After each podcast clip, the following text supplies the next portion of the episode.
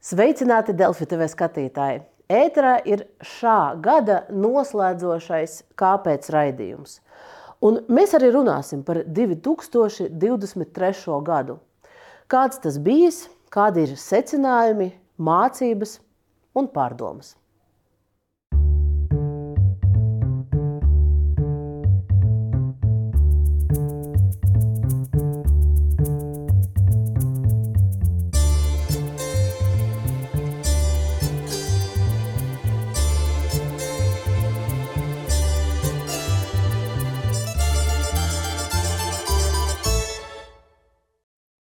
Un stādīšu priekšā šodienas viesus.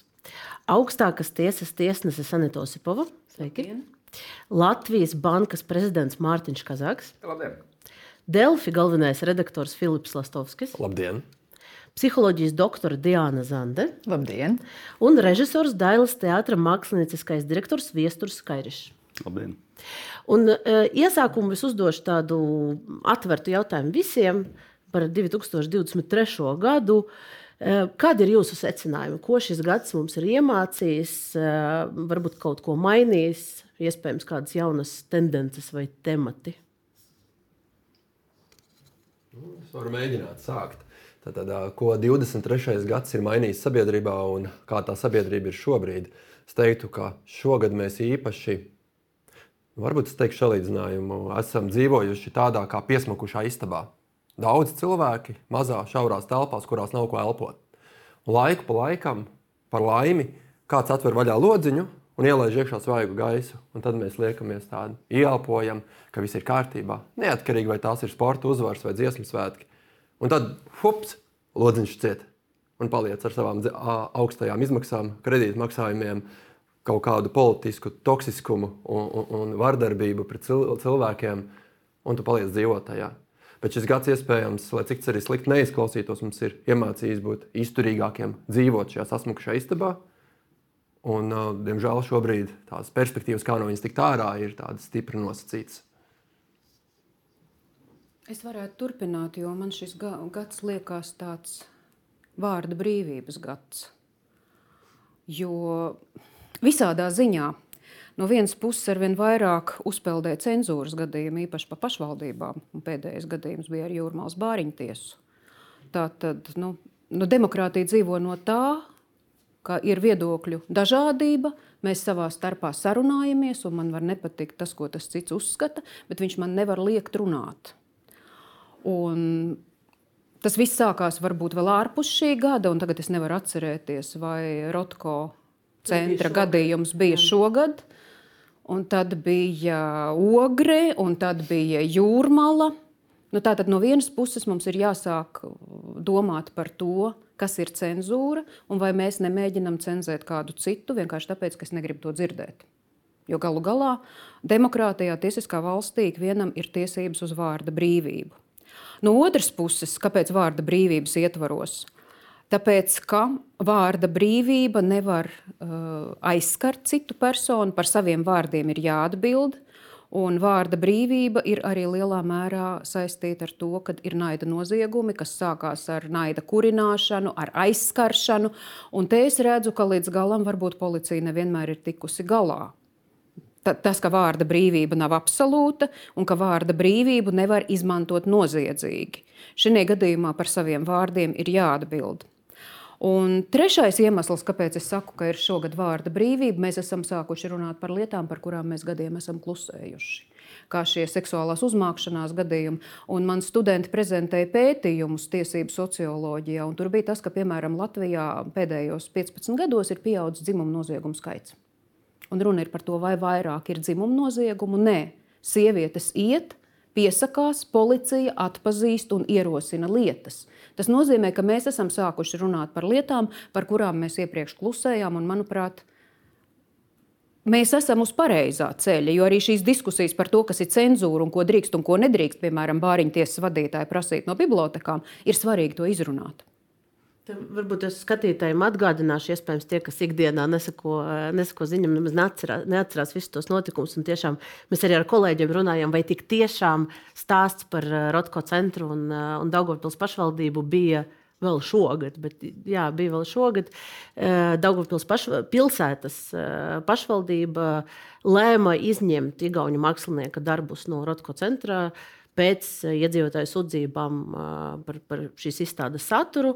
Un Jurmālas Bariņtiesa ieteica vietējām bibliotekām izņemt uh, grāmatas veltītas uh, seksuālajai izglītošanai bērniem arī pēc. pēc uh, tāda sabiedrības sašuma, sašutuma par šo grāmatu saturu. Tur bija dažos, dažos brīžos arī grāmatu dedzināšana. Pat, pat ir notikusi Latvijā tā, tāda pilsoniska izpausme. Vai, vai pārējie piekrīt, vai tā ir tā tēma, par kuru mēs šogad runājam? Es domāju, ka tas noteikti tāds pašapzināšanās stāsts, manuprāt, ir svarīgs.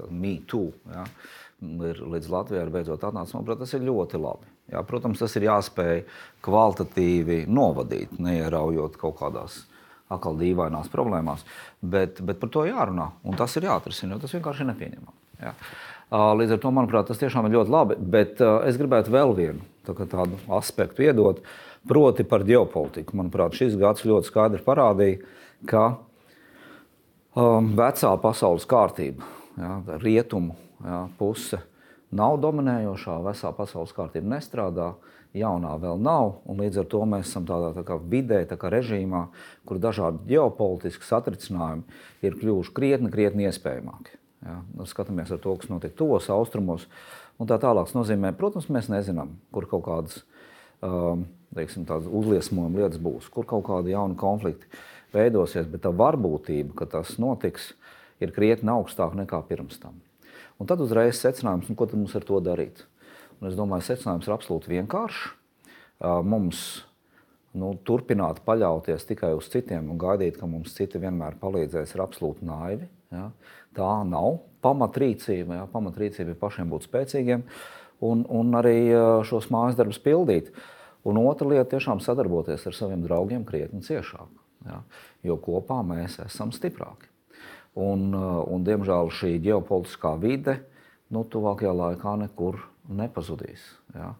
Um, tas ir uz ilgu. Mēs redzam, ka karš Ukrajinā joprojām turpinās. Ja.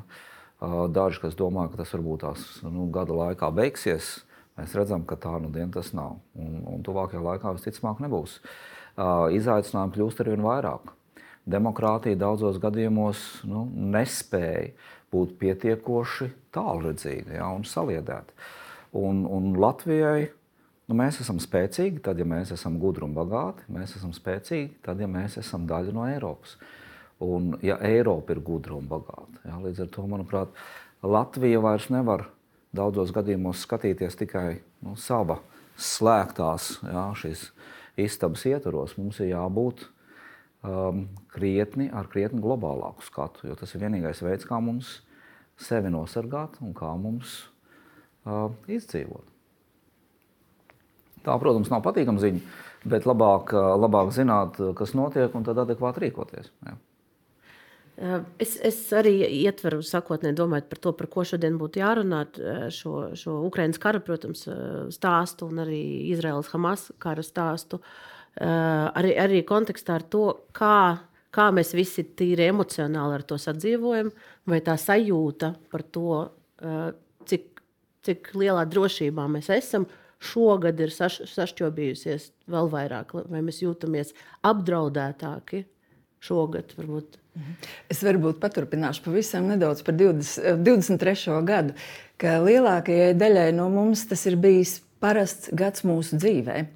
Bērni iet uz skolu, jātīra no rīta mašīnai sniegs, kāds nomirst, kāds piedzimst. Mēs sitamies, kurš ar kredītu, kurš beidz augstskolas. Ja tāds parastā dzīve, kura nekur neizpaliek. Un es domāju, daudz cilvēku ir piedzīvojuši šo gadu kā ļoti laimīgu.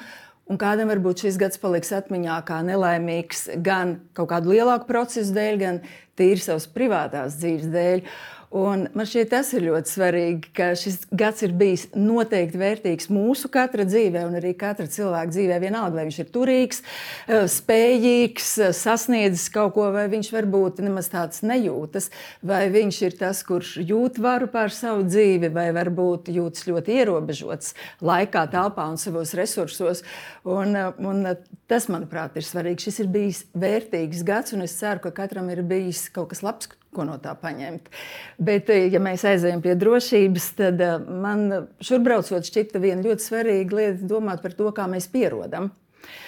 Mēs pierodam pie apstākļiem, un eh, cik ilgi jau notiek karš Ukrajinā, un mēs esam pie tā. Arī mēs savā ziņā esam pieraduši, un Eiropa pie tā ir pieradusi pavisam jau, jo, jo mēs esam tālāk no kāda notikuma, jo tas man vairs neskar. Un mēs par to runājam, Ukraiņai ir jāuzvar, bet es gribu teikt, varbūt mums ir ļoti svarīgi pārdefinēt šo. Nevis Ukraiņai ir jāuzvar, bet Krievijai noteikti ir jāzaudē. Ka tas ir svarīgi. Pateikt, Krievijai noteikti ir jāzaudē uh, un smagi jāzaudē, lai mēs varētu patiešām justies droši. Gan kā valsts, gan faktiski arī kā indivīdi. Uh, un, un tad es domāju par to, cik mēs katrs esam gatavi nu, uzņemties atbildību par to, kā es varu, kas es esmu uh, šajā valstī un šajā drošības uh, resursā, ko es varu izdarīt, un kāds varbūt joprojām var noziedot, un kāds var uh, varbūt pārliecināt kādu draugu Eiropā, ka hei, joprojām Ukrainā ir karš, un mēs Latvijā esam Eiropas ārējā robeža. Es par to ļoti daudz domāju. Es arvien vairāk šogad domāju par to, cik mēs esam apdraudēti. Ja es, ja es mazliet varu nepārprotiet mani, ja, nu, protams, drošības jautājums ir ļoti svarīgs. Bet, ja mēs skatāmies nu, no tāda militārā, piemēram, aspekta, tad uh, es gribētu teikt, ka Latvija nav, nu, nekad nav bijusi tik droša, kāda tā ir pašlaik. Protams, tie arī riski arī pieauguši. Bet uh, paskatāmies, piemēram, uz uh, 14. gadu, kad Krievija pirmoreiz iebruka Ukrajinā. Mēs bijām jau desmit gadus bijuši daļa no NATO, bet lielā mērā uz papīra. Ja? Tagad savukārt ir konkrēti aizsardzības plāni, ja, ir tiešām mūsu sabiedroto klātbūtne šeit. Līdz ar to šajā ziņā, manuprāt, mēs esam nu, tik droši kā nekad agrāk. Bet, manuprāt, būtiskā lieta ir tāda, ka mums pašiem ir jārūpējas par savu drošību. Mēs nevaram tikai paļauties uz citiem. Ja? Un tā nav tikai uh, tāda militāra drošība, tā ir ekonomiska drošība tas ir viss plašais spektrs. Proti, mums ir sava valsts, veidojam to labāku. Jā, katram tur ir jāpiedalās, tā ir katra atbildība. Kaškungs, ir drošības gads. Nē, nu, skaidrs, ka nu, mēs ne, neanalizējam šo gadu arī no, te es neesmu dzirdējis no perso, personiskā aspekta, jo, protams, tas ir haosa un apjukuma gads, kas eh, ļoti dziļi Eh, nu, es personīgi jūtu, ka tas ļoti dziļi ietekmē manu personību. Un, un man liekas, ka es pat negribās piedalīties ne diskusijās, ne, ne kaut kur, jo tu tikai vairo šo haosu. Ar, gandrīz vai ar jebkuru savu komentāru tu tikai vairo šo haosu. Tie, tiek izcīnīti vecās pasaules, vecās sistēmas kari, kas ir šie ģeopolitiskie, jaunie kari, ka visi šie mākslīgie intelekti vēl nav sākuši e, savu, mēs nezinām, labo vai pozitīvo vai negatīvo darbību. Un, un, un ir tāds, tāds ārkārtīgi liels apjukums, tāds tiešām nu, izteiksmīgs haoss, eh, kas, eh, kas, kas visu iespaido, visu, visu padara vienlaicīgi horizontālu, neaptveramu. Uh, neveicina vēlēšanos piedalīties, un vienlaicīgi sākās kaut kāds tāds escapisma vēlmes, kas ir, protams, ļoti savā ziņā. Katram cilvēkam jābūt savai privātai telpai, bet, nu, protams, nu, nevar domāt par, nedomāt par kopējo. Nu, šis ir ļoti būtisks pavērsiens. Es domāju, mēs vēl to neaptveram. Mēs viņu analizējam ar, arī, manuprāt, kā kaut ko, ko mēs esam pieraduši analizēt. Bet mēs šo nevaram izanalizēt. Es jau tiešām ģeopolitiski, mēs jau te jokojam, kas tagad būs nākamais. Nezinu, Igaunija uzbruks Latvijai, varbūt tam līdzīgi. Nu, te jau liekas, ka e, te, te notiks da jebkas.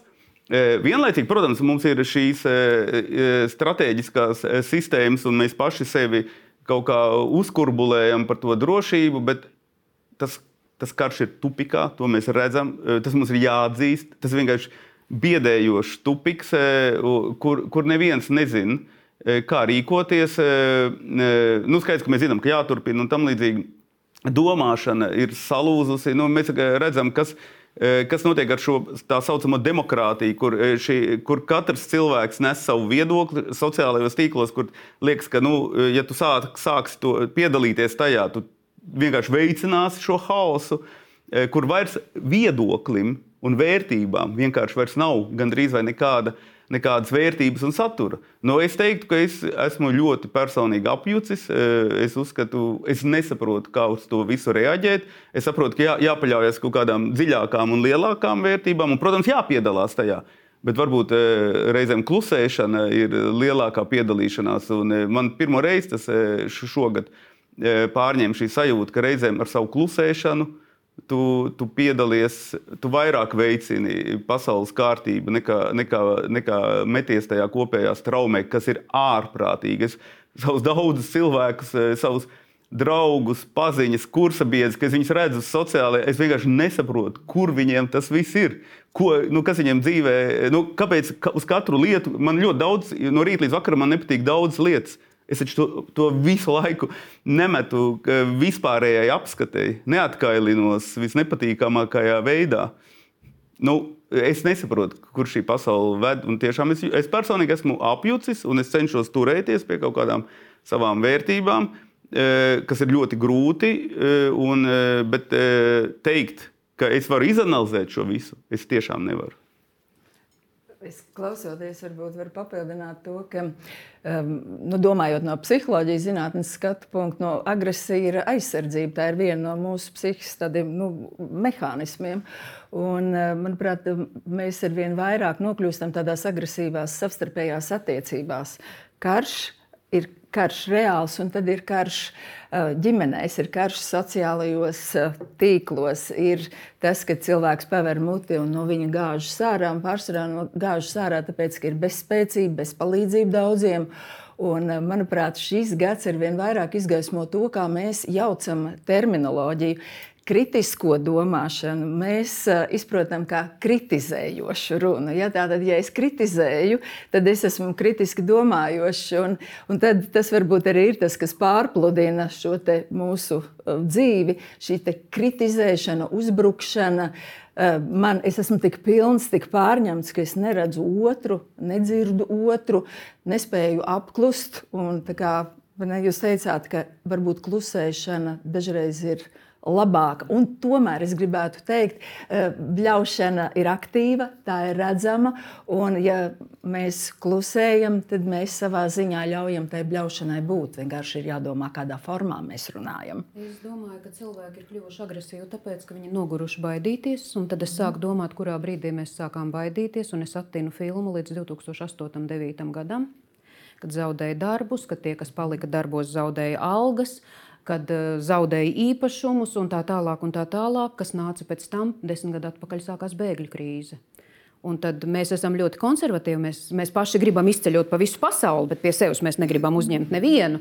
Un tad cilvēki saka, tur būs bēgļu mītne, tur būs bēgļu mītne. Un tad sākās tie stāsti par Eiropu, kā bēgļi uzvedās. Tad ir ķelnē, man liekas, bija tā jaungada izvarošanas nakts, un mūsēji jau arī baidās. Un tad, kad tā, bē, mēs, mēs puslīdz saradām ar to bēgļu krīzi, tad turpatās ir Krimas okupācija, tad pēc tam sākās Covid, un tagad sākās karš tepat kaimiņos. Kaut kādā brīdī es domāju, ka mēs kā sabiedrība neesam gatavi akumulēt visas tās šausmas, kas pasaulē notiek un lielā mērā viņas bieži vien pat neti, ska, netieši skar mūs. Bet vienkārši pie tiem mūsu dienasčajiem uztraukumiem nāk līdzi arī tie globālie uztraukumi. Un tad mums visu laiku ar ekoloģisko katastrofu vēl baida. Mēs nezinām, vai mūsu bērni piedzīvos vecumdienas.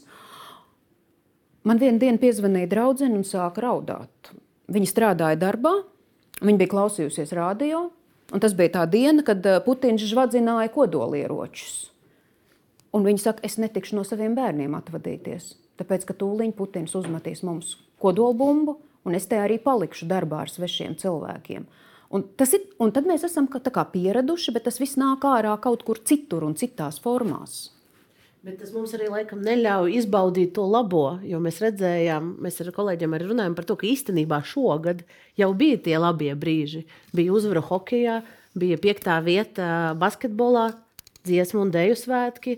Bet mēs laikam kaut kādos brīžos pat nepamanījām to notikumu aiz, eh, nu, aiz tam visām problēmām, kas, eh, kas sekoja līdzi.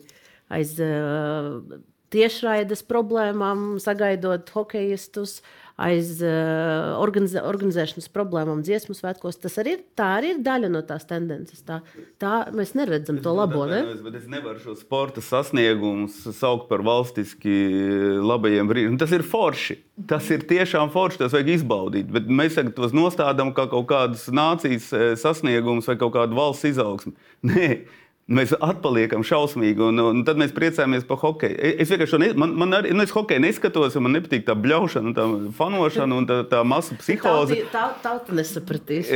Man tauta, ne, nu, katrā ziņā man pašam jāsaprot sevi. Nevis eh, jādomā, vai tauta man sapratīs, bet, bet nu, e, es, to, es šo nesaprotu. E, es priecājos no sirds, ka tur izdodas, un es arī ar ģimeni staigāju pa Agenskalnu, tur viņi kaut ko hokejā spēlēja, mēs iegājām mezītī, miglām, vēl paskatījāmies un pabļāvām visu foršus piecām minūtēm ir brīnišķīgi būt kopā ar tautu. Bet, eh, bet tā, nu kā, tie nav sasniegumi, par kuriem mums jādomā, lai mēs eh, kustētos uz priekšu. Nu, Es uzskatu, ka tas ir, eh, ne, es, es, es uzskatu, tas ir svarīgs, pozitīvs nu, lādiņš, nu, ok, kaut kāda psihoanalītiskā uh, piedeva tur ir, bet tie nav. Mēs atpaliekam, mēs nekustamies. Tas ir hokejs to ne, ne, nekādā veidā. Es ceļu nācijai pašapziņu. Es pats tur neko neesmu ieguldījis. Es labākā gadījumā esmu bļāvis, bet es esmu lepns par to, ka es piederu pie. Bet kas tā par nāciju? Tad Grūti pateikt. šo jautājumu. mēs, varam, mēs, mēs varam tiešām pāriet pie tām lietām, kas ir mūsu valsts sasniegumi, kur cilvēks ir, ir ieguldījies kaut vai balsojot vēlēšanās. Un tad mēs varam paskatīties uz to, ko šogad tie mūsu ievēlētie priekšstāvji ir, ir izcīnījuši, ir izdarījuši. Un, un tas, tas, tas galvenais stāstījums, galvenais tas narratīvs mums šogad ir bijušas prezidenta vēlēšanas. Tad ir tam sekojušā Krišņa Kariņa valdības krišana, Evika Siliņas valdības sastādīšana no tām partijām, kas tad ir balsojušas par, par Edgars Rinkēviču. Un kontekstā ar šo politisko stāstu, kā tos, tās galvenās sekas, mēs redzējām uh, Zaļo un Zemnieku savienības ienākšanu, atkal ienākšanu valdībā, Stambulas konvencijas ratificēšanu un arī uh, nu, partnerības institūta ieviešanu. Nu, tas ir tie, ir tie lieli politiski notikumi šogad. E, jums ir secinājums, nu, tas, tas ir kaut kas pozitīvs kopumā, kā process. Jo atkal, nu, vienai sabiedrības daļai šis bija tāds, e, tāda morāla izšķiršanas, ja tu, esi, ja tu, ja tu atbalsti Stambulas konvencijas ratificēšanu, tad tu esi gatavs kaut kādu cenu par to samaksāt. Citai sabiedrības daļai tā bija vilšanās, jo bija konservatīvie politiķi, kas atkal izrādījās, ir balsojuši citādāk. Ja drīkst pēdējo reizi runāt, man liekas, visu laiku runāju. Ne, man liekas, tieši tiešām sasniegumi, par ko mēs jārunā, ir šī vēlēšana rezultāti kaut kādi. Par tur, tur mēs varam analizēt mūsu tautas e, izaugsmu. Es domāju, mums jāsaprot, ka šie politiskie koncepti ir diemžēl sevi izsmēluši. Ja, ja mēs šodien konservatīvie vai liberālie, kreisie vai labējie ja mēs joprojām e, dzīvojam šajā pasaulē, kas tomēr manā skatījumā ir pagātnes, tāpēc arī e, nekas nesniedz vairs e, nekādu pozitīvu rezultātu. Ir attiecības institūts, ir labi. Kā, kādam, kādam būs labi, kādam slikti, bet, nevienam, bet nekas no tā nemainās pirmkārt, un, nekas, un, un, un visi laimīgi tāpat nebūs nekad. Vienkārši, manuprāt, šie, šie pasaules kārtības koncepti tiešām ir jāmeklē jau pavisam, nu, piemēram, kā, kā uz, šā, uz e, e, geju tiesību un ģimenes vērtību, kas mūsu demografiskā situācijā ļoti svarīga, kā uz šī, šo divu e, it kā liekas savstarpēji izslēdzošo uh, konceptu ve, veidus pa, panākt mūsu nācijas izdzīvoša, izdzīvošanai kolektīvu svarīgu, strateģisku kaut kādu konsensusu, kur, kur visi ir apmierināti. Mēs gan neatraidām cilvēkus, tāpēc, ka viņi, viņiem ir cits seksuāla orientācija, gan mēs spējam tomēr mūsu demogrāfiju attīstīt. Nu, es neesmu redzējis nevienu šādu konceptu, kur tas kaut kā savienojās un iet uz kaut kādu kopīgu mērķi. Nu, varbūt te, te var palīdzēt tad, studijas viespārējā. Ja? Savienot šos konceptus un, un, un, un izvērtēt šo, Kāpēc secību. demogrāfija ir tik slikta, kāda viņa ir? Es domāju, tāpēc, ka rietumu civilizācija pēdējos gadsimtos ir gājusi uz egoismu. Tāpēc, kad uh, es varu izdzīvot arī bez tā bērna, es varu izdzīvot arī bez tā vīra, kontracepcijas attīstība, un vispirms ir jāsakrāja manta, un tad, kad ir sakrāta manta, piedodiet, tas bērniņš vairs neatnāk. Es mēģināšu jūs atgriezt pie, ši- pie 2023. gada, jo šis ir, šis šie ir temati, par kuriem mēs varam sanākt eh, uz kādu zinātnisko konferenci. Varbūt. Bet es Bet, gribētu būt par šiem te uh, Stambuls konvenciju neatnesīs laimi. Tas ir apliecinājums, ka mēs iestājāmies par noteiktām vērtībām. Un šis ir tas svarīgais. Un uh, tā ir tā ļoti būtiska um, spēja nodalīt Stambulu. Šis paraksts negarantē laimi, turklāt nekad nebūs laimīgi viss. Tas vienkārši nav iespējams, nu, tas nav tehniski iespējams. Ne? Tāpat tomēr šis partneru regulējums, ir sākums, lai sakārtotu jomu, kurā ir ļoti daudz nesakārtotības. Un es esmu heteroseksuāli, man tas neskar, vai ne? Man tas nekādu neietekmē, bet tas ietekmē ļoti daudzus cilvēkus. Un tādā veidā mēs parādām, ka mēs kā valsts rūpējamies arī par šo cilvēku tiesību tiesisku aizsardzību. Un tas, manuprāt, ir demokrātisks, tiesisks valsts pamatā. Es domāju, ka te Sanita var runāt daudz es vairāk. Varu, es esmu daudz publiski par to runājis, ka es negribu atkārtoties, bet es gribu pateikt, ka 23. gadā to, ko neizdarīja Latvija, to izdarīja Eiropas Savienība. 23. gadā Eiropas Savienība visa kopā ratificēja Stambulas konvenciju. Un tagad, decembrī, Eiropas Savienība ir pieņēmusi atkal lēmumu par to, ka, ja vienā valstī cilvēkus atzīst par bērnu vecākiem, tad viņi ir jāuzskata par bērnu vecākiem visās pārējās Eiropas Savienības dalību valstīs. Un tas arī daudz ko mainīs Latvijā. Man ir brīnums, ka Latvijā par to vēl neviens nav sācis runāt. Tas ir pavisam svaigs lēmums, kurš juristu dienas laikrakstā jurista vārds parādījās, ka šāds lēmums Eiropas parlamentā ir pieņemts. Jā. Tas, tas maina visu. Un tas ir 23. gads, un mēs nevaram runāt par Latviju ārpus Eiropas Savienības un ārpus NATO. Un, ja mēs nepieņemam savus risinājumus un lēmumus uz vietas, tad kolektīvais saprāts šajā lielajā sistēmā izlemj un varbūt liek mums apskatīties pa jaunu. Un tad, kad runā par Stambulas konvenciju, tad aizmirst jēgu, aizmirst nozīmi, kāpēc viņi ir vajadzīgi. Mēs cepamies eh, par to, eh, ka būs trešais dzimums, par to tur nav ne vārda. Un satversmes tiesa pirms vairākiem gadiem izvērtēja Stambulas konvenciju, vai viņa nenonāk pretrunā ar satversmi. Un eh, starptautisko tiesību eksperte Ineta Ziemele, kura pirms tam bija strādājusi Eiropas cilvēktiesību tiesā, uh, ir publiski runājusi par to, ka konvencijas mērķis ir konvencijas nosaukumā un preambulā. Un konvencija tiešām ir par to, lai pasargātu sievietes no vardarbības. Un, ko tas Latvijai dod? Mums ir normatīvais regulējums, mums ir eh, sievietēm iespēja vērsties, tiesas lem par to, kā ir aizliegums tuvoties. Un kā tas strādā dzīvē? Tā ir brīdī, kad mēs pievienojamies starptautiskai kustībai, iestājoties par kaut ko. Pirmkārt, tas garantē speciālistu apmācību jaunā kvalitātē. Tas garantē kontroli no ārpuses. Un Šajā situācijā es ceru, ka varbūt arī tas, kas Latvijā ir bijis jau pirms tam, beidzot tiks iedzīvināts saskaņā ar šo mērķi. Jo man likās, ka tā nevar būt taisnība, ka sieviete iet uz policiju, saka, ka viņa ir izvarota un viņai nepieņem iesniegumu. Kamēr man to nepastāsta kāda studenta, ka ir gadījies ar viņas draugu. Uh, sieviete, kurai vīrietis veids psiholoģisko teroru, un Rusiņš, protams, nogalināja, tas ir ekstrēmākais, bet ne visi vīrieši ir fiziski vardarbīgi. Vajāt var dažādās formās. Vajāt var rakstot, piemēram, ja sieviete ir biznesmene, uh, vidu uzlaist uh, vai veterināro dienestu vai vēl kaut ko sabojājot attiecības ar darba devēju, sabojājot attiecības ar draugiem. Tas viss notiek. Un te laikam ir jautājums par to, vai, vai e, ieviešot, ieviešot šo dokumentu, vai, mēs, vai Latvijas spērs uh, turpmākos soļus. Ja mēs runājam par turpmākos soļus, tāpēc ka starptautiskiem dokumentiem ir tas, ka sākās šī uzraudzība jau citā līmenī. Otrakārt, mēs vienmēr esam bijuši ar teicamnieku sindromu. Mēs kādreiz klanījāmies uz Maskavas pusi un gribējām būt pirmie. Tagad mēs klanamies uz pretējo pusi un gribam būt pirmie. Es domāju, ka mūsu ierēģi pacentīsies Nu, te varētu noslēgt raidījumu ar šo frāzi. Kad, jā, bet bet nu, vardarbība ir, ir noteikti, kā jūs jau sākumā arī minējāt, viena no, no tām lielām, viens no lielajiem tematiem šogad. Bet mūsu žurnālisti ieskatā tas vēl viens liels temats šogad ir bijis tolerance pret korupciju, cīņa ar korupciju. Mēs redzējām, kā No vienas puses ir uh, trešdienas spriedums uh, Māra Martinsona, Ilmara Remševiča uh, lietās, kur ir 6 un 5 gadi. Seši, gandrīz seši gadi kopš aresta, bet, uh, bet tā soda neizbēgamība izskatās tāda nu, reālāka šobrīd. No otras puses, mēs redzējām, ka tie cilvēki, par kuriem gadiem uh, gan žurnālisti, gan, gan arī daļa politiķu runāja kontekstā ar korupcijas skandāliem, atgriežas piemēram koalīcijā Rīgas domē. Kā, kā to salāgot, Filip?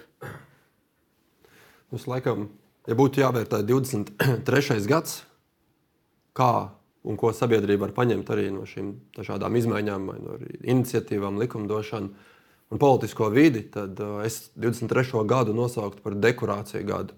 Izmaiņas lielākoties ir bijušas dekoratīvas. Absolūti lielākajai daļai Latvijas iedzīvotāji ir visticamāk pilnīgi vienalga, vai premjerministrs ir Krišjāns Kariņš vai Evika Siliņš. Absolūti lielākajai iedzīvotāji daļai, daļai ir pilnīgi vienalga, ir Stambulas konvencija vai nav. Pilnīgi vienalga. Pil lielākajai daļai ir vienalga par partnerību, Viņu problēmas ir absolūti citas. Problēmas ir tas, ka ceturdaļa Latvijas valsts iedzīvotāji ir pakļauti nabadzības riskam. Tikmēr mēs kliedzam par kaut kādu partnerības regulējumu. Jā, tas ir svarīgs kaut kādai daļai, bet kopējā bildē tā ir kļūdaina prioritāte. Mēs aizmirstam cilvēkus, kuriem tik tiešām ir vajadzīga palīdzība.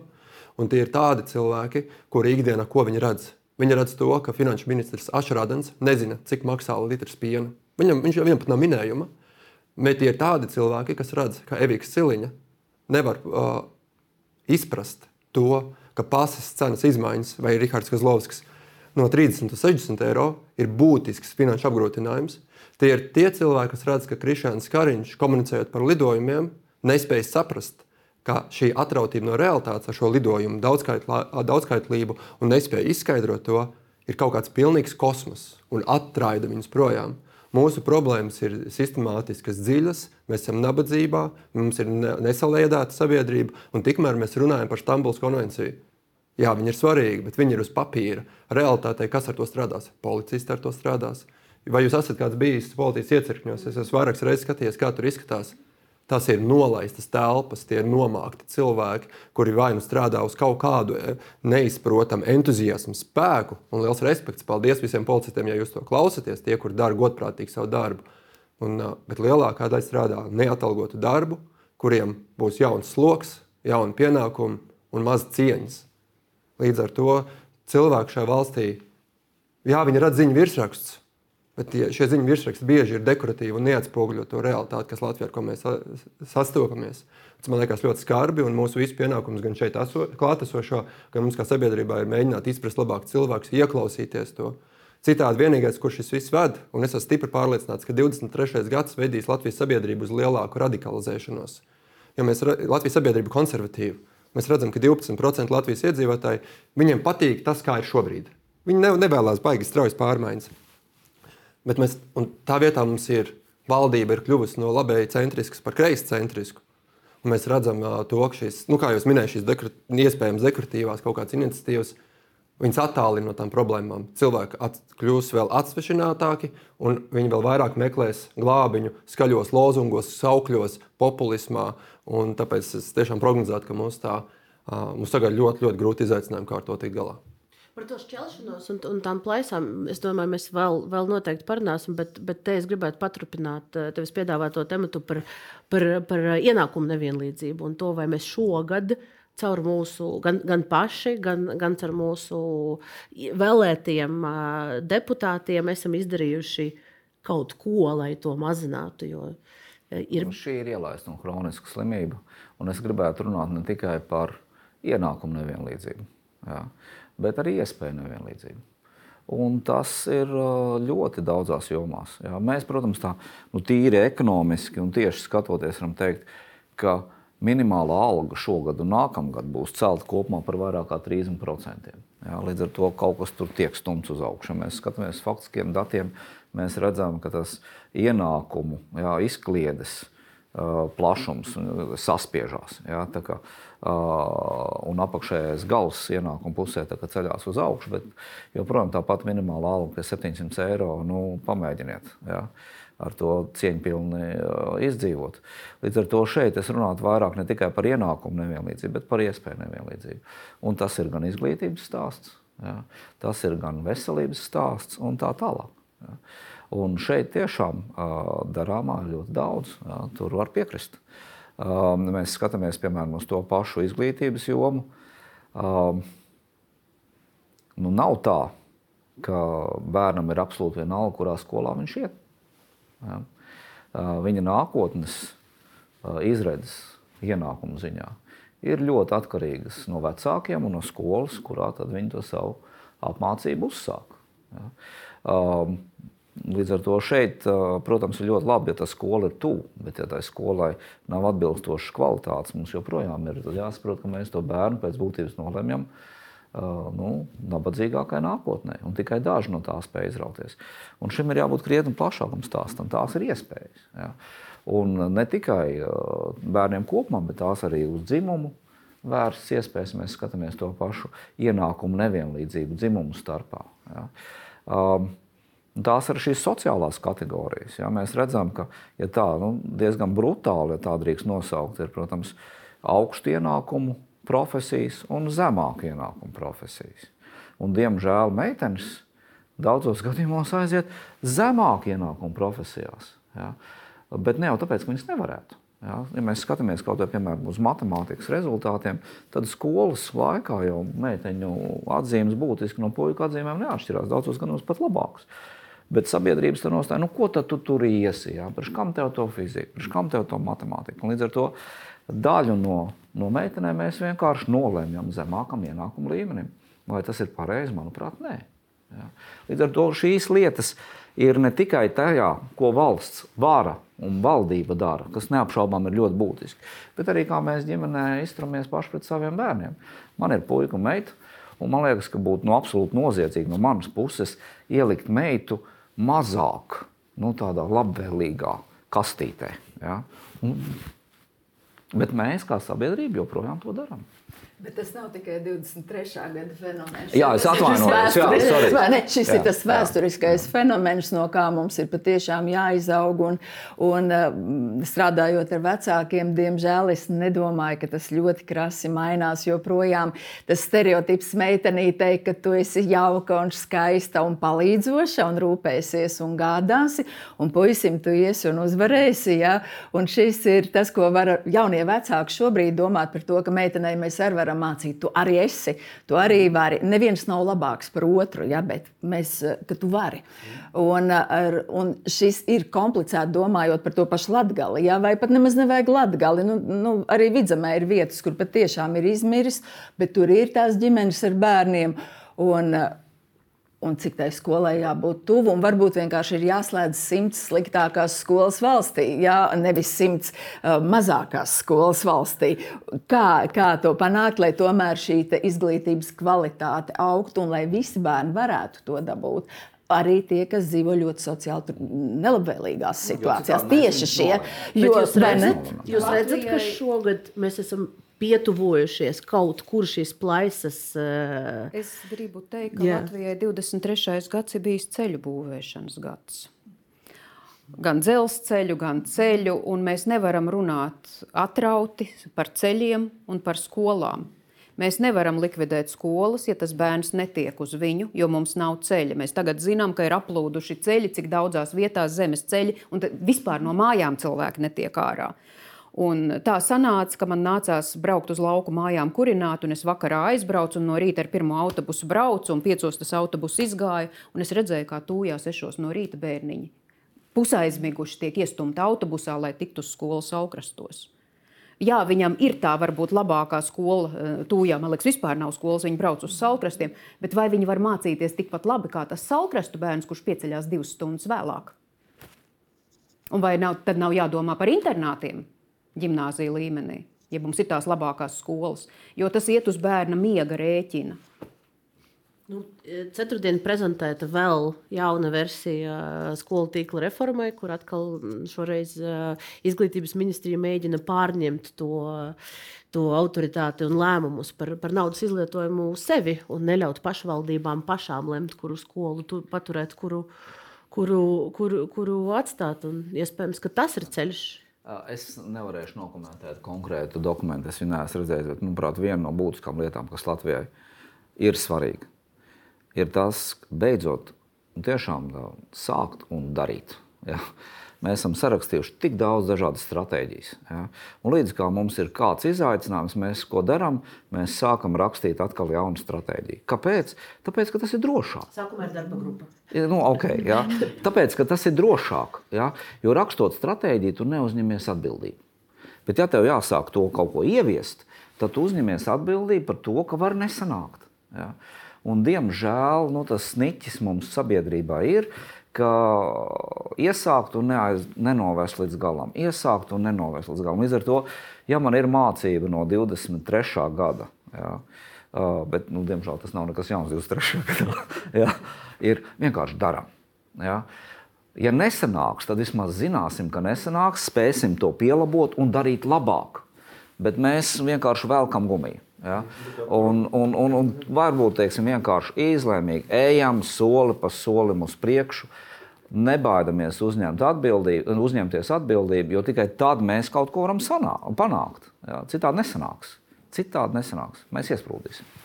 Es gribu tikai par izglītības sistēmu, kur šī reforma gadsimtiem tiek veikta un tā arī nav paveikta. Tur jau nu, tā, tā mūsu sistēma ir tik ārkārtīgi slikta ar to, ka tiešām e, partijas baidās no tā, ka viņus sodīs e, par to, ka viņi izveidos to re, e, reformu nākamajās vēlēšanās. Un noteikti sodīs, jo mēs redzam, ka to bremzē paši skolotāji un visa tā līnija un tam līdzīgi. Jo skolotāji grib būt, palikt tādi paši, tikai vēl saņemt lielāku naudu. Tā viņi redz to reformu. Bet reforma ir radikāli mainīties un iespējams lielai daļai no jums tiešām zaudēt darbu.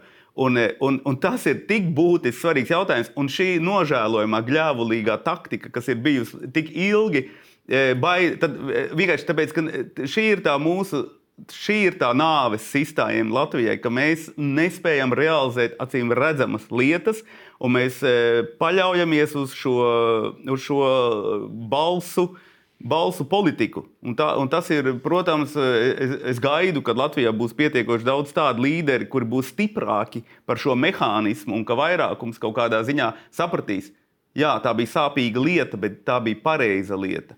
Un, man liekas, diemžēl mēs esam nu, vārgulīga viduvējība, politiskā, kura nespēja realizēt, acīm gadiem velk, jo no vēlēšana perspektīvas tā ir labāk un izdevīgāk un vēl cenšas iesmērēt mums, ka viņi kaut ko dara. Nu, tas ir sāpīgi. Izklausās pēc Kaspara Briškena stāsta šobrīd nedaudz. Vēlēšana kampaņā šī brīža satiksmes ministrs, nu, lai nav tā, es iepriekš pieminēju jaunās vienotības politiķus vairāk, kur nesaprot, kas kā notiek sabiedrībā, bet nu, arī progresīviem līdzīgi ir, kur mēs esam redzējuši vēlēšana kampaņā, kā Briškenam bija viņa seja un ilgadējs Real Baltica līderis, pārmaiņu ieviesējs. Viņš ir bijis tur top augšā.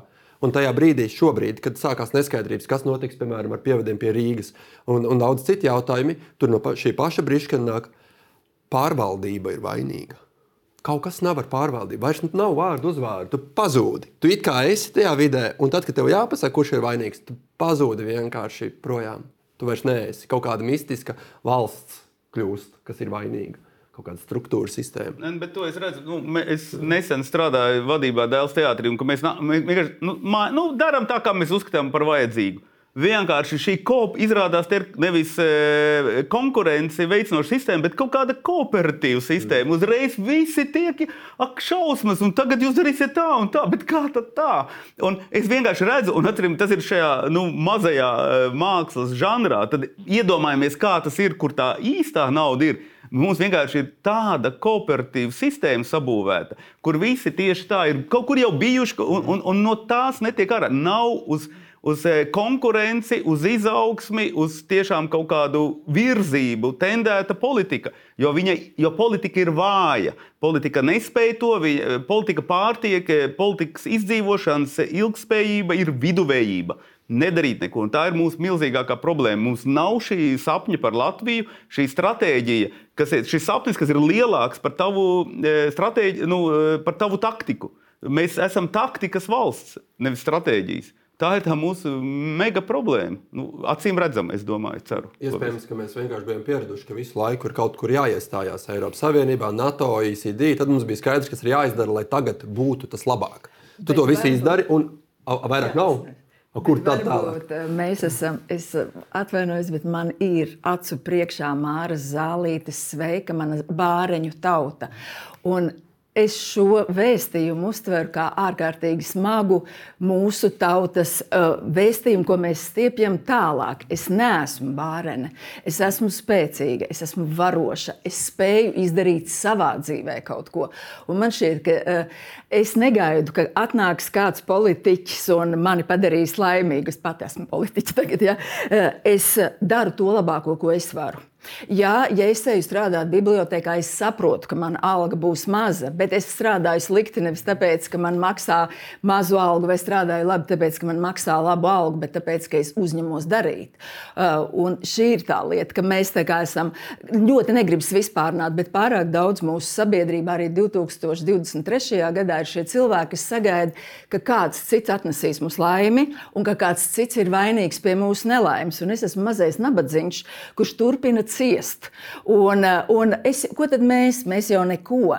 Ja? Un šis man šķiet ir tas mūsu kultūras fenomens, ko ja es varētu kaut ko vienu novēlēt mums, tad beidzot pieceļam savus dibenus katrs pats un sākam dienu ar to, ko es šodien varu izdarīt un kas dienas galā būs izdarīts.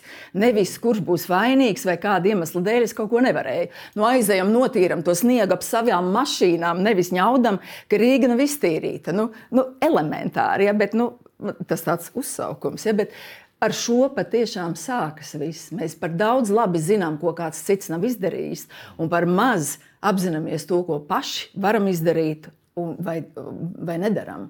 Bet varbūt mēs varam sākt, sākt šajā studijā un, un uh, nevis tirīt sniegu. tas vairs nav. Tas vairs nav.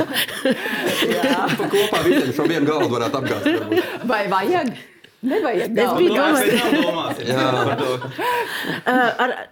Uz, šīs nots, un, un man jāatvadās no RTV skatītājiem, tur, tur mūsu ēteris jau ir, ir noslēdzies un, un ir, ir vairāk laikā ierobežots. Paldies RTV skatītājiem, ka bijat ar mums šogad un uh, tiekamies nākamgad, bet Delfi TV studijā turpināsim. Un, un es gribēju sākt, sākt ar šajā studijā ar, ar to, varbūt, nu, tā, tādu pašapziņas celšanu. Jo mēs izrunājām, kas, kas šogad nebija labi, kur, kur mēs nevarējām tas plaisas uh, nosegt, kur mēs neizdarījām līdz galam, kur mēs nebijām pietiekoši labi. Bet uh, vai mēs varam lepoties šogad ar kaut ko? Kā jums šķiet, varbūt tas ir tas. Uh, Ar, ar, ko, ar ko mēs kā valsts, vai iespējams mēs kā, mēs kā indivīdi? Mums ir noteikti ir ar ko mēs redzam, ka Vilnius Soreika ir ar fantastiskiem panākumiem kultūras jomā. Es redzu, kā Igauni apskauž mūsu teātrus arī šī kunga dēļ, kurš man pa labi sēž. Es redzu to, ka mums ir šie sporta panākumi, kuriem es atšķirībā no šī kunga ticu vairāk, ka viņi spēja iedvesmot un attaisīt to lodziņu vaļā un ielaist svaigo gaisu. Es redzu, ka dziesmu svētkos, pat ja mums ir daudz visādas nebūšanas ar dziesmu svētku organizēšanu, vislasītākās Delfi ziņas, un te es ļauju skatītājiem ieskatīties varbūt mūsu statistikas aizkulisēs, bet uh, visskatītākās ziņas par dziesmu svētkiem ir tad, kad uh, kādai no dalībniecēm svētku tērpā sākās dzemdības atbrauc ātrie un viņai pakaļ, un, un mums piedzimst uh, dziesmu svētku bērns. Cilvēki ir aizrauti un vēlās pozitīvas ziņas, un viņi novērtē pozitīvas ziņas šajos pašos dziesmu svētkos, kur kāds kādu bildina, kur ir pozitīvais. Tāpēc mums ir, mēs, protams, saredzēt, novērtēt un, un, un paņemt arī pozitīvu. Nav viss tikai slikti. Mēs, protams, paņemt arī to savu laimi savās rokās un, un, un, un priecāties. Nu, vai tas kādam ir teātris, vai kaut kāds individuāls, personiska veiksme vai sports, nu, tas ir jūsu rokās, darbie skatītāji. Es domāju, ka mēs esam ļoti dāsna tauta. Un mēs nenogurstam savā dāsnumā, un mēs dalāmies arī tad, kad mums nav. Un mēs esam dāsni dažādos veidos. Mēs esam asins donori. Tajā brīdī, kad parādās, ka mūsu asins bankā kaut kādai grupai aptrūkstās asinis, es pēc tam skatos, ir gājis uz augšu. Es arī pati dodos nodot asinis, es sekoju tam līdzi. Mēs ziedojam, daži ne dažādi, un mēs ziedojam gan Ukrainu, mēs atbalstam pret mūsu mazo ienākumu, pret mūsu mazo cilvēku skaitu, mūsu dotā proporcionāli devums ir milzīgs. Mēs jūtam citiem līdzi, mēs dalāmies arī tad, ja mums pašiem nekas īpaši daudz nav. Man šķiet, ka es gribēju par tiem bērniem. Mums katrs bērns, kas piedzimst, ir vērtība. Un es katru dienu, gan nu, katru dienu, ne, bet es reizi mēnesī noteikti pasaku sev, es dzīvoju valstī, kurā ir divi miljoni. Ķīnā tā ir pilsēta. Mums ir valsts. Ja mums ir šī sava valsts. Un man, priekš manis tas ir svarīgi. Es, es esmu savā valstī. Uh, tas, manuprāt, ir nozīmīgi. Mums ir tie vienkāršie darba darītāji, ja, kas atver savus uzņēmumus par spīti visiem nodokļu nesakārtotībām. Ja, mums, ja, ja mums ir šis, mums ir šie vecie cilvēki, kas nodod savu pieredzi un iztur to, tās savas mazās pensijas, rušinās pa tiem saviem dārziem, ja, parāda to, ka var dzīvot un izdzīvot ļoti komplicētos apstākļos. Un, un man šķiet, ka šis ir, mēs esam tāda, tāda veselīga nātra kā tauta. Mēs ielaižam tās saknes un mēs varam būt, bet tikai, nu, vairāk mēs pateikt sev, es varu, es, es arī skaitos. Es esmu valsts. Nu, man, šis ir mans sauklis. Es esmu valsts. Man nav kāds cits. Un ir ļoti daudz cilvēku, kas, manuprāt, ar vien vairāk šādu cilvēku, kas tā domā, un, manuprāt, ar vien vairāk jaunieši ir, kas ir aktīvi, dara un paliek Latvijā. Un vēl es esmu ļoti priecīga par katru cilvēku, kas atgriežas Latvijā. Un, ja es gribētu, lai kaut kas mainās 24. gadā, tad lai vairāk mūsu valstī ir um, cilvēki, kas atgriežas, un lai viņiem ir labāki apstākļi šeit atgriežoties. Tā mēs pārējām pie novelējumiem. Gadu, kas ir labi, kas ir labi, tas arī bija mans plāns. Bet, bet, eh, bet varbūt Kazakungam tad es prasīšu, gan, gan, eh, gan vai, vai jūsuprāt, šogad ir kaut kas, kas, kas, kas, mums, kas jūs padara lepnu par sevi, par mūsu valsti, par, par mūsu kopīgiem sasniegumiem, un ko tad, eh, ko tad mēs novēlam nākamajam gadam? Es domāju, ka viss tas uzvaras sākas pašiem ar sevi. Jā. Un, un, uh, ir lielas uzvaras, ir mazas uzvaras, bet jāsvin ir visas. Ja, ja mēs sāksim meklēt tikai nepatikšanas, ja, nu, tad uh, visu laiku ir tāda cepšanās. Ja, un tas uh, ir varbūt, varbūt slikti, jo tad mēs pazaudējam vispār to sasniegumu stāstu. Līdz ar to ir jābūt konkrētiem izvirzītiem mērķiem ja, un šīs mazās uzvaras ir jāsvin, un, un, un ja ir liela uzvara, nu, pavisam forši. Ja. Bet viss sākas ar sevi. Protams, fantastiski par basketbolu un hokeju. Lieliski. Ja. Bet nu, būtu labi, ja katrs kaut ko pie sevis arī nosvinētu. Ja. Un, un būtu ar lepnumu parādīt citiem. Tā kā jūs man prasījāt vairāk, nu, teiksim, jau plašāk, ja, tad runājot par Latvijas banku, es teiktu, ka mums ir ļoti augsta reputācija. Mēs esam viena institūcija nu, jau šogad ar FKTK un inflācija no 21% gada sākumā, tagad mēs esam norāvuši kopā ar Eiropas centrālo banku uz 1%. Jā. Tas ir ļoti labi. Jāsaka, paralēli tad ir pirktspēja cilvēkiem. Jā, jā, tas, tas ir, ir nākamais solis, ko es gribu minēt. Jā. Un, un, protams, tas šoks bija milzīgs. Jā, iedzīvotājiem un uzņēmumiem nepatīkams, bet nu, karš ir karš. Jā. Labā lieta ir, ka inflācija būtiski lejā, un kad mēs skatāmies jau no gada sākuma, vidējie cipari, protams, tie ir diezgan abstrakti, jo kurš tad ir tas vidējais iedzīvotājs. Bet no gada vidus mēs redzam, ka ienākumi aug straujāk nekā cenu kāpums, līdz ar to iedzīvotāji pamazām sāk atgūties. Diemžēl, protams, tas atskaņas būs diezgan ilgi, un iedzīvotāji nu, smaguma nasta no tā cenu kāpuma arī nākošajā gadā būs jūtama, un, un pamazām jāteiksim, cilvēki to izdarīs to rūkumu joprojām sajūtīs. Jā. Bet šis ir bijis tāds, manuprāt, būtisks pagrieziena gads, jo īpaši gada otrajā pusē, kad inflācija lejā, darbs, bezdarbs zems. Nodarbinātība diezgan augsta, līdz ar to pakāpeniski, pakāpeniski tas uzlabosies. Bet, diemžēl, nekas ļoti strauji. Nākošā gada otrā puse izstāsta mazliet cerīgāk. Līdz ar to es domāju, ka man ir ļoti daudz lietu, ar ko lepoties, bet vai ir gana un viss padarīts. Nē, Jā, darāmā vēl ar vienu ļoti daudz, un skatāmies arī, nu, kur mēs varam pienest tās mazās uzvaras, katrs individuāli. Ko es novērotu Latvijas iedzīvotājiem nākošajā gadā?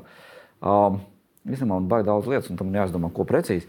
Bet es domāju, ka, ja tev ir liela sirds, ja, ja tu saproti citus, ja tev ir ambīcijas, augsti mērķi, un ja tev ir komanda, to var apgāzt kalnus.